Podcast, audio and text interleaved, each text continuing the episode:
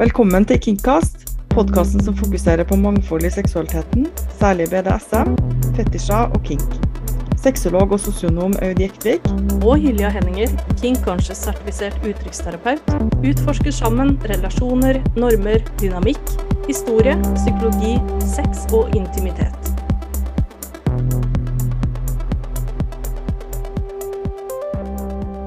Dag så tenkte vi at vi skulle snakke om aldersforskjell. Det er et tema som har vært ønska av lytterne våre. Og det kan jo ha en ganske nær kobling til BDSM, både når det gjelder hvilke roller man velger, hvordan det påvirker de rollene vi har, særlig i maktforskyving. da. Og det kan også påvirke maktforskyvinga.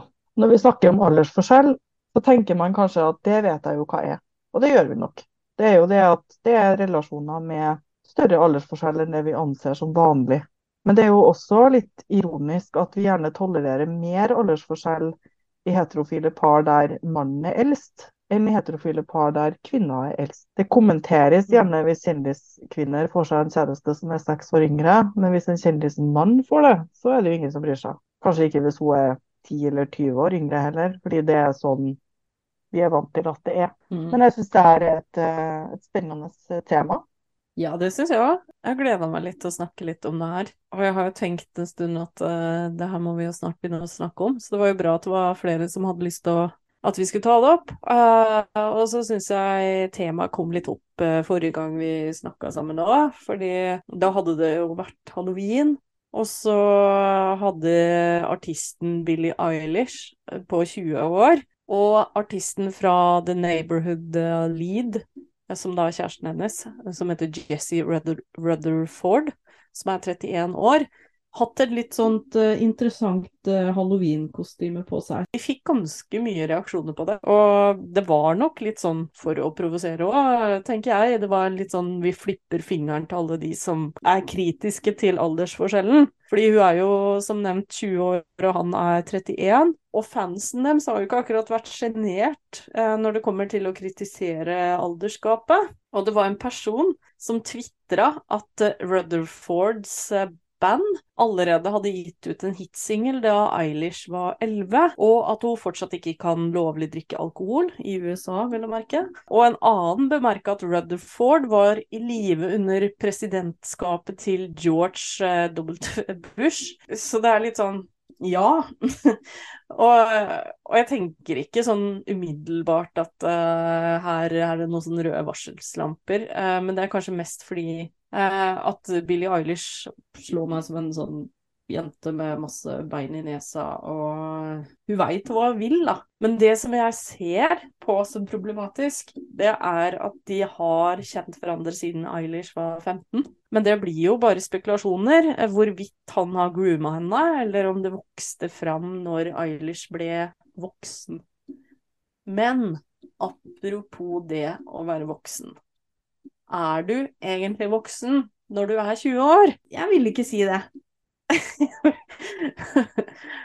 Uh, jeg, ser veldig, jeg, ser veldig, klart at grensa mi for når man er voksen, flytter seg oppover etter hvert som jeg blir eldre.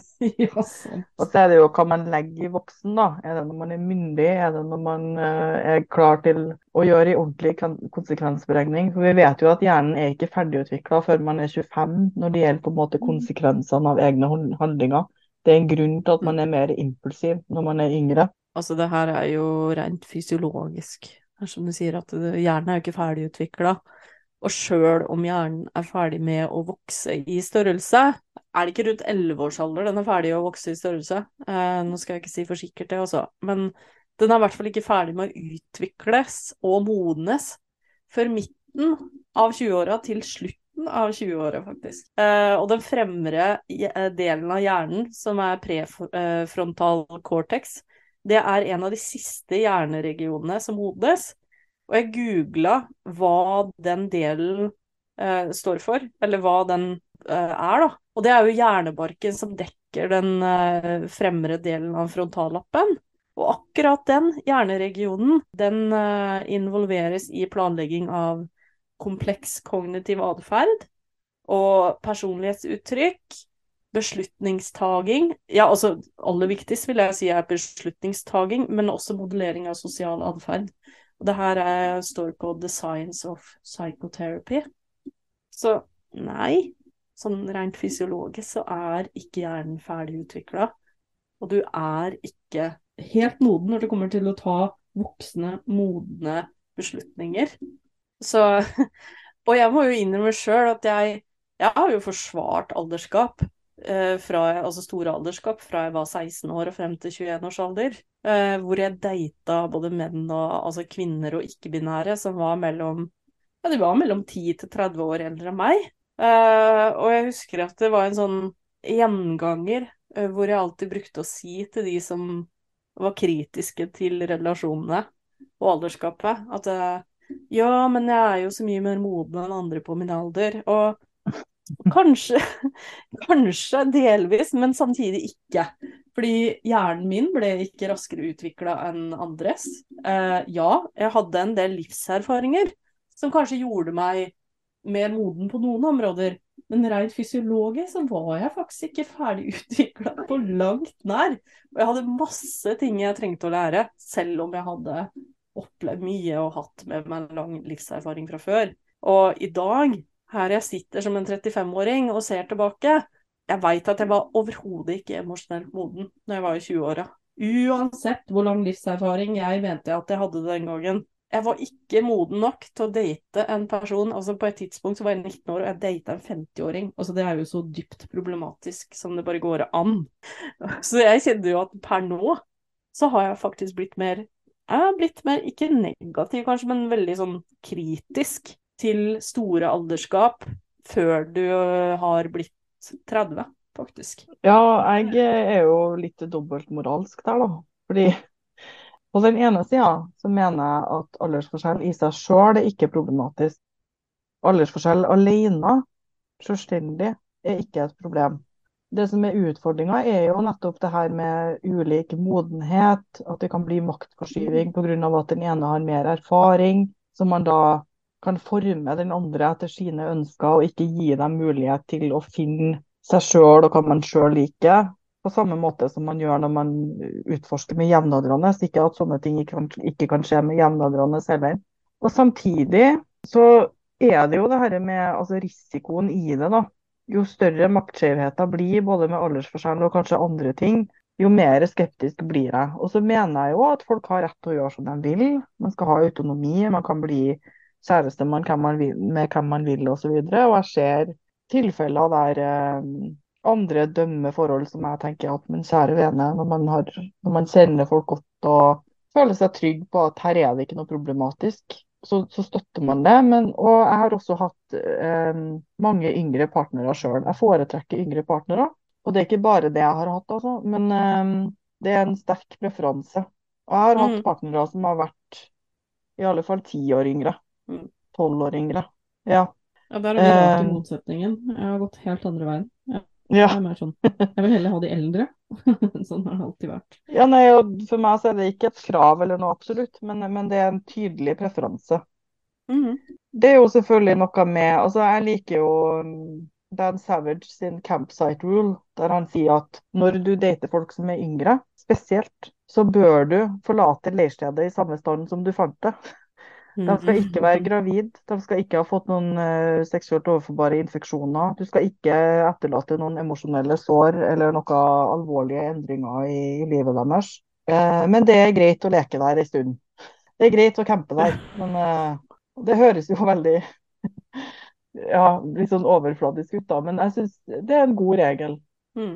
At hvis man er mye, mye eldre, så er det greit å, å ta det litt forsiktig. Også det å være litt ekstra liksom, lyttende, litt ekstra forsiktig med å komme med masse gode forslag og krav og sånn. Fordi det, det, er jo ikke til å legge skjul på at mange tenner på eldrepartnere. Mm. At det er et eller annet med det å ha en eldre partner som man syns er veldig sexy og bra. Og Noen ganger så kan jo det være en illusjon, for det er jo ikke sånn at bare fordi at man er eldre i alder, at man da har masse erfaring eller modenhet eller er en bedre eller bra person. For det er jo ikke aldersavhengig, eh, egentlig. Nei da.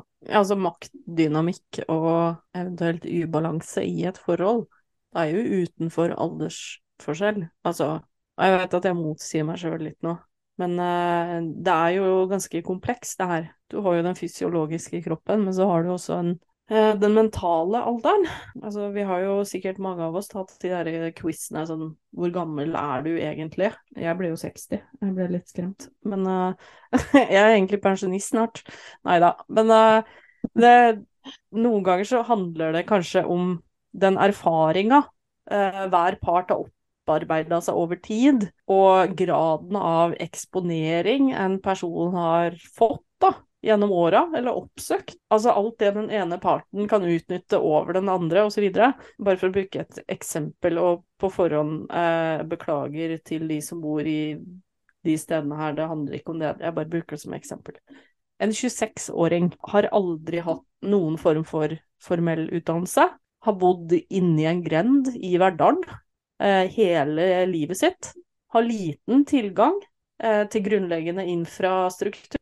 Altså her er det mjølkeruta to ganger i døgnet. Eh, og har ingen form for eksponering, har eh, vært, aldri vært lenger ut i verden enn Stjørdal. Altså det er liksom, det er storbyen, altså. Stjørdal. Det er ganske stor forskjell fra den personen til en som er på samme alder, som er 26 år gammel, universitetutdanna, som har bodd i Oslo hele veien, lest tonnevis av bøker, reist hele verden. Og når de to er i møte, så vil jo maktdynamikken være annerledes. Og et slikt forhold vil kunne ha et potensial til å misbrukes eller manipuleres, og Altså, det er allerede en maktubalanse fordi man kanskje kommer fra forskjellige eh, familier, man kommer fra forskjellig sosial status. Eh, og det er så mange ting som spiller inn, eh, i forhold til etnisitet, i forhold til kjønn, i forhold til eh, om du er cis, om du er eh, transperson, ikke sant. Og det kan også være en økonomisk maktbalanse som spiller inn, hvor den på en måte ene parten blir prisgitt den andre økonomisk. Hvor det ikke er en økonomisk balanse. Sånn at uh, du får alle disse sånne tilleggsubalansene uh, som, som gjør så, kan gjøre det så utfordrende. Og det gjelder jo selvfølgelig også partner, uh, når, eller alder. Og når en partner er mer naiv og kanskje ja, har et betydelig mindre livs- og grunn... Altså livserfaring, da. Eller forholdserfaring. Så, så blir det alltid nesten alltid en maktubalanse. Og hvis du da er en person i 40-åra eh, som konsekvent ser etter å date tenåringer, altså sånn type 19-åringer, eller eh, Og du hele tida må forsvare lovligheten av forholdet ditt når det gjelder aldersforskjell, gjør ikke det deg til til eh, en jeger eller en predator? For du, du, har jo liksom Altså, det er jo et spørsmål, det er et åpent spørsmål, jeg konkluderer ikke nå.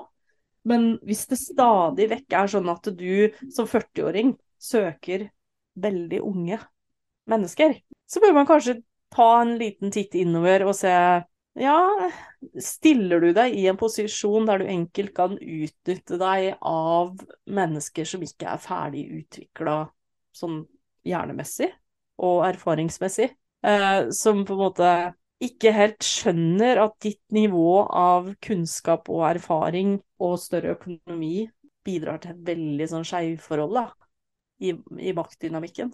Jeg har jo stilt spørsmål ved egne motiv når jeg har liksom innsett at jeg har en tydelig preferanse for yngre partnere, uavhengig av kjønn. Og når man er oppvokst på bygda, så får man jo et eget forhold til det der med aldersforskjell. Fordi eh, det er jo ikke å komme ifra at i mange små bygder rundt omkring i Norge, og i, ellers i verden òg, så er det jo en klar sånn greie med at unge, særlig unge jenter, da, drar ut på fest, trenger skyss. Og da er det mange eldre menn som er veldig tilgjengelig med liksom den ressursen de har, som er da bil og lappen kanskje til sprit, andre ting, og skal fikse. Og jeg tenker at det er jo Det trenger jo ikke å være noe feil i det, men mine observasjoner tilsier at de mannfolkene ofte ikke har så mye sosial kapital. At Mm. de ikke er så flinke til å kommunisere, at de ikke har så mye erfaring. At de ikke har noe erfaring med, med kvinner eller andre på egen, egen alder. Da, og derfor ender opp med å bruke de ressursene de har, som da er f.eks. bil. Det er jo veldig mange velmenende folk der ute som ikke ønsker noen noe ondt, som, som oppriktig ønsker seg å være til tjeneste. Jeg har mange ganger lurt på om noen av dem er underdanig. At det her med å liksom kjøre eh, unge jentegjenger rundt omkring på byen, og da kanskje være så heldig å få bli alene med en av dem på kvelden og få seg et kyss til takk eller noe sånt, er på en måte deres ønska belønning. At de, de vil være nyttig. Men at, at det kanskje kunne ha blitt uttrykt på en, en mer eh, Det kun, kunne ha blitt uttrykt på en mer samtykkende og sunn måte, da. Enn å være voldsom på tilbudssida og kanskje bli nesten ydmyka. Fordi Mm. ja, man blir litt sånn skjedd ned på. Og man blir mistenkeliggjort. Hvorfor gjør du det her? Ja. Og når det da er noen som, som bruker det som en måte å få folk i, utsatt, i utsatte posisjoner på, osv., så, videre, så har man jo et lag til. Når, jeg husker jeg hadde en prat med noen folk som jeg ble eh, kjent med, fra liksom små bygder i Trøndelag, om hvordan man hadde debutert seksuelt. Alle rundt bordet utenom meg hadde debutert før de var 15, og da gjerne i en busk på en fest med noen som skulle kjøre dem hjem, eller med noen som var relativt mye eldre. Det var bare kvinner, da. Jeg tenker at Ja. ikke nødvendigvis noe galt i det heller, men når man snakka om hvordan var den første gangen, så var det ingen utenom meg som hadde hatt en positiv opplevelse. Mm. Det handler jo om vår kultur, da.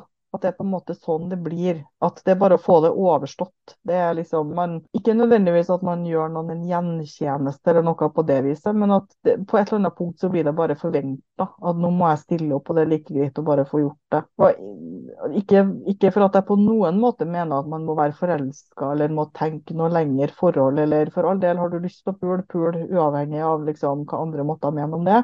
Det at det var ikke egentlig noe lyst der. Det var kanskje litt sånn nysgjerrighet. Men det var ikke sånn at de var veldig kåt på den personen eller hadde tatt initiativ sjøl eller noe sånt. Det var bare sånn her er det. Nå er jeg 14 og et halvt. Noen skal kjøre meg hjem fra fest. Her var det en busk. Han tar initiativ, jeg blir med. Mm. Det syns jeg er en kjedelig start, hvis jeg kan si det, på, og, ja, på sexlivet. da. Å lære at det er på en måte sånn det er. Sex er noe som man gir for å få noe annet. Og det òg kan være en veldig fin dynamikk, det er ikke det. Men det må være bevisst, det må være um, ønska fra begge parter. Alle Ja. parter. Altså når, når man blir tiltrukket av mennesker som i utgangspunktet er yngre, så tenker jeg at det er greit å ha en slags sånn der nedre grense. At man har litt sånn bevissthet rundt det. Og så at eh, man tenker over motivene sine. For det tror jeg det er noen som ikke gjør. Hva handler det egentlig om? Mm. Særlig i en BDSM-setting så tror jeg at noe av tiltrekninga kan ligge i for en del av oss da, at vi liker makt. Og at det å da ha en yngre partner kan gi oss mer følelse av makt. Men det er viktig at det her er en del av rollespillet, og at det ikke blir en sånn reell maktforskyving som er så stor at, at man ikke kan forsvare å, å være sammen med dem, at man ikke kan forsvare å leke med dem. At man ikke innbiller seg at man er bedre enn, eller antar at man er mer erfaren enn bare fordi at partner er yngre. Ja, altså viktig at man som den eldste er klar over at en, en tenåring eller en 20-åring eller en 25-åring, den har faktisk ytterst sjelden den samme kompleksiteten i, altså i livet generelt. Og i forhold til eh, forholdet ditt. Som voksen så bør man ikke dra nytte av det. Man må prøve å være våken på det hele tida, hvor det fort kan hvis det spiller seg ut noe helt ubevisst, og snakke om det. Eh, ikke la aldersgapet være den store elefanten i rommet, for det, det er da det blir farlig. Det er da det kan bli farlig, i hvert fall. At det, det bør være et tema. Det bør være et tema. Jeg tenker sånn om det så bare er en sju års aldersforskjell. Jeg tenker jo Jeg har jo sjøl levd i et forhold nå i elleve, snart tolv år, hvor det er en eh, Det sju års aldersforskjell. Jeg var 24 da jeg møtte min partner på 31, og allerede den gangen så, så skjønte vi jo at det her må jo snakkes om. Fordi når du er i 20-åra, og du dater en person i 30-åra, så er det jo Det er en sånn Det er en maktubalanse. Og jeg tror kanskje faktisk, og det har jeg tenkt mye på, det har vi også snakka om, at den maktubalansen hadde kanskje blitt større hvis jeg hadde stort sett tatt den underdanige rollen. Men i vårt mm. tilfelle så var ikke det tilfellet. I vårt tilfelle så var det jeg som hadde hovedsakelig den dominante rollen. Selv om vi, vi absolutt uh, veksler en del på rollene også. Men hovedsakelig så var det det. Og jeg tror det at hadde det gått andre veien, så tror jeg vi måtte vært enda mer våken og snakka enda mer om det her. Fordi det blir en sånn dobbeltfaktor, hvis du skjønner hva jeg mener. Mm. Uh, i, tillegg, I tillegg og, og, jeg tror også det hadde blitt enda, enda mer utfordrende hvis vi også kom fra forskjellig sosial status og eh, bakgrunn. Eh, det gjorde vi ikke. Vi kom fra en ganske lik eh, sosial eh, bakgrunn. Sånn at vi, vi hadde noen sånn fellesnevnere der som gjorde det ganske greit, og vi fløyt ganske godt inn i den relasjonen. Så vi slapp de tilleggsutfordringene da, som veldig mange møter på. da, I forhold til hvis den ene Kanskje den ene utfordringen har vært at en av oss har vært mer utdanna enn den andre.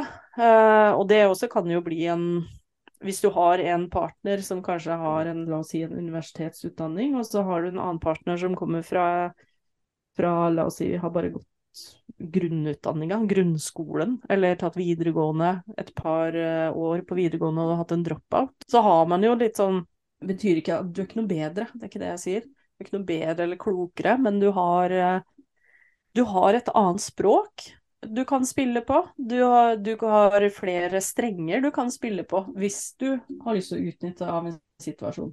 Enten bevisst eller ubevisst, for det skjer jo. Vi krangler ja. jo i hverdagen og Mm. Herregud, jeg har jo sjøl manipulert partneren min til de grader. Og jeg veit at det har gått andre veien òg. Og det har vi jo hatt mange fine samtaler om. Tror det eller ei. Men uh, ja, det, det går faktisk an å snakke om. Ja, herregud. hva som er en ressurs er også forskjellig, da. fordi at hvis man som byfis med masse utdanning flytter ut på bygda, så er ikke det nødvendigvis sett på som positivt eller en ressurs. Hvis du da, om du er eldre eller yngre, og flytter liksom ut på bygda og skal drive et småbruk eller komme inn i en familie der man har liksom noen verdier og holdninger fra før, der mm. kanskje det med utdanning ikke er så viktig, så kan det hende at, at man blir sett ned på, eller at man blir sett på som mindre erfaren eller mindre nyttig fordi man ikke har så mye praktisk kunnskap. Selvfølgelig finnes det mennesker som har alle de egenskapene. Så ja. det er ikke gitt at det går én vei heller, at ulike egenskaper. Og jeg tenker Vi snakker mye om liksom hvor at risikoen med aldersforskjell med å være um, yngst, da, og hva man som eldst skal tenke på. Men det er jo også noen ressurser andre veien. At det å, være, det å ha en partner som er ung og attraktiv, er også en sånn statusgreie. Og at den yngre partneren kan også ha litt mm, makt i det å være yngst. Hvordan ville det ha sett ut hvis jeg forlot deg, du er jo en gammel fis eller ei gammel kjerring. Hvordan hva tror du folk tenker om deg? ikke sant? Hvis jeg, altså, det er også en makt i det å ha ungdom som er sett mm. på som, som veldig attraktivt og, og, bra i vår kultur. Hovedspørsmålet her det er jo hvem som har makten i forholdet. Ikke nødvendigvis hvem som er eldst eller yngst eller er har, er rikest osv. Men det er hvem som har makten i forholdet. Hvem er det som henvender seg til makten mesteparten av tida. Og mest av alt, ville du gjenkjent om, om, kraftdynamikken var der, eller ville du på en måte bare kalt det, eller sagt noe sånt som at å, vel, eh, jeg gjør vel bare det Jeg gjør vel bare feil, jeg, sammenligna med den personen her. Eller, eh, eller litt sånn derre ja, uh, ja, men hun vet jo så mye mer enn meg, så jeg må jo bare gjøre det hun sier. Uh, eller en sånn type rettferdiggjøring, da. Uh, og da, da, har du allerede svaret. At da er det jo Det vet du hvem som har makten i forholdet. og du skal jo ikke legge makten over på den andre parten kun på grunn av at den personen er eldre. man har mm. forskjellig kunnskapsnivå på de forskjellige områdene, og det er viktig å huske på, uansett alder. Ja, og så, og så er det noe med mm, at man, man, ønsker jo mest mulig grad av, av, likeverd i bunnen, og alle er jo likeverdige. Man ønsker å være likestilt, sånn at særlig i BDSM-sammenheng, at man da kan inngå i et rollespill, ha en identitet som dominant eller underdanig, eller hva det måtte være, da, og føle seg trygg på at i bunn og grunn så er vi like mye verdt. Og da kan man leke liksom, med, den, med, ulike dynamikker. Men aldersforskjell kan forskyve litt. Jeg syns det er interessant at i likekjønna par så er det mer toleranse for aldersforskjell gjerne er i heterofile par. Og det handler jo litt om at man har færre potensielle partnere å velge i. Og så har det nok også handla om Eh, i hvert fall mer tidligere, da, at når man ofte ikke kunne få barn sammen, biologiske barn, ved å ha litt sånn penetrerende sex, så ble den aldersforskjellen mindre viktig. Fordi at om partner var i fruktbar alder eller ikke, ble mindre viktig, for man kunne ikke lage barn sjøl likevel. Mm. Mens i heterofile par så har det vært mer viktig, fordi at mange, de fleste, ønsker seg jo barn. Og da blir det viktig å ha en partner som er i en passende alder. Og at det å da ha det kan også påvirke liksom, denne maktdynamikken litt. Og det er jo en av grunnene tror jeg, til at det å være voksen kvinne, den eldste liksom, som kvinne, i et heterofilt par blir sett på som rarere. Fordi at da er man jo gjerne ikke fruktbar lenger. Hva skal man med oss da, liksom? Det ligger jo litt i denne kjønnsrollen om at kvinner skal være mødre. Og for de mm. som ikke er interessert i å være det, eller som ikke kan bli det lenger, eller ikke Ja, av ulike årsaker, så, så kan det for noen være overraskende. Men ja, der vet vi jo at forhold og romantiske og seksuelle relasjoner handler jo om så, så mye mer. At det å få mm. barn er jo ofte langt, langt ned på lista over grunnene til at man har sex, selv om det er der. Selv om det er der. Og det er jo også en ting, da, at derfor så tenker vi kanskje at det er mer naturlig at menn får seg yngre kvinner, fordi kanskje, kanskje vil de ha flere barn. Jeg tenker på mm. Michael Douglas og Catherine Seater Jones, når vi var inne på kjendiser i sted. da. Der er det 25 års forskjell. Hun er 25 år yngre enn han. Og de fikk jo barn tidlig i forholdet sitt. Men det hadde Så... jo ikke gått hvis, hvis, det var omvendt. Nei. Nei da. Jeg vet jo at det er andre som gjør det, men da blir det jo litt mer komplisert. For vi må jo gjerne ha en surrogat, og det blir ja.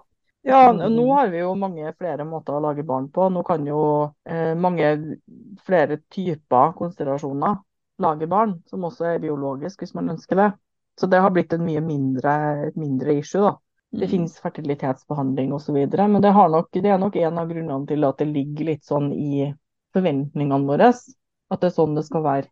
Eh, men det kan vi endre på, og det bør vi endre på. For det er jo også noe med at hvis folk har valgt en eldre eller en yngre partner, så har de jo gjort det, da. Og man har ikke så mye med hvorfor, eller om man ville ha gjort det samme, samme eller bla, bla. Og i dagens episode av Kingkast med Aud Jektvik og Hylje Henninger så har vi snakka om BDSM og aldersforskjell. Og i neste episode så tar vi opp tråden av dagens eh, tema og snakker om aldersforskjell i relasjoner, daddy issues, hvorfor vi skylder på kvinner fordi menn ikke har tatt ansvaret sitt, eh, om modenhet er relativt, forskjellige behov og den maksimale sjuårsaldersforskjellen med mer.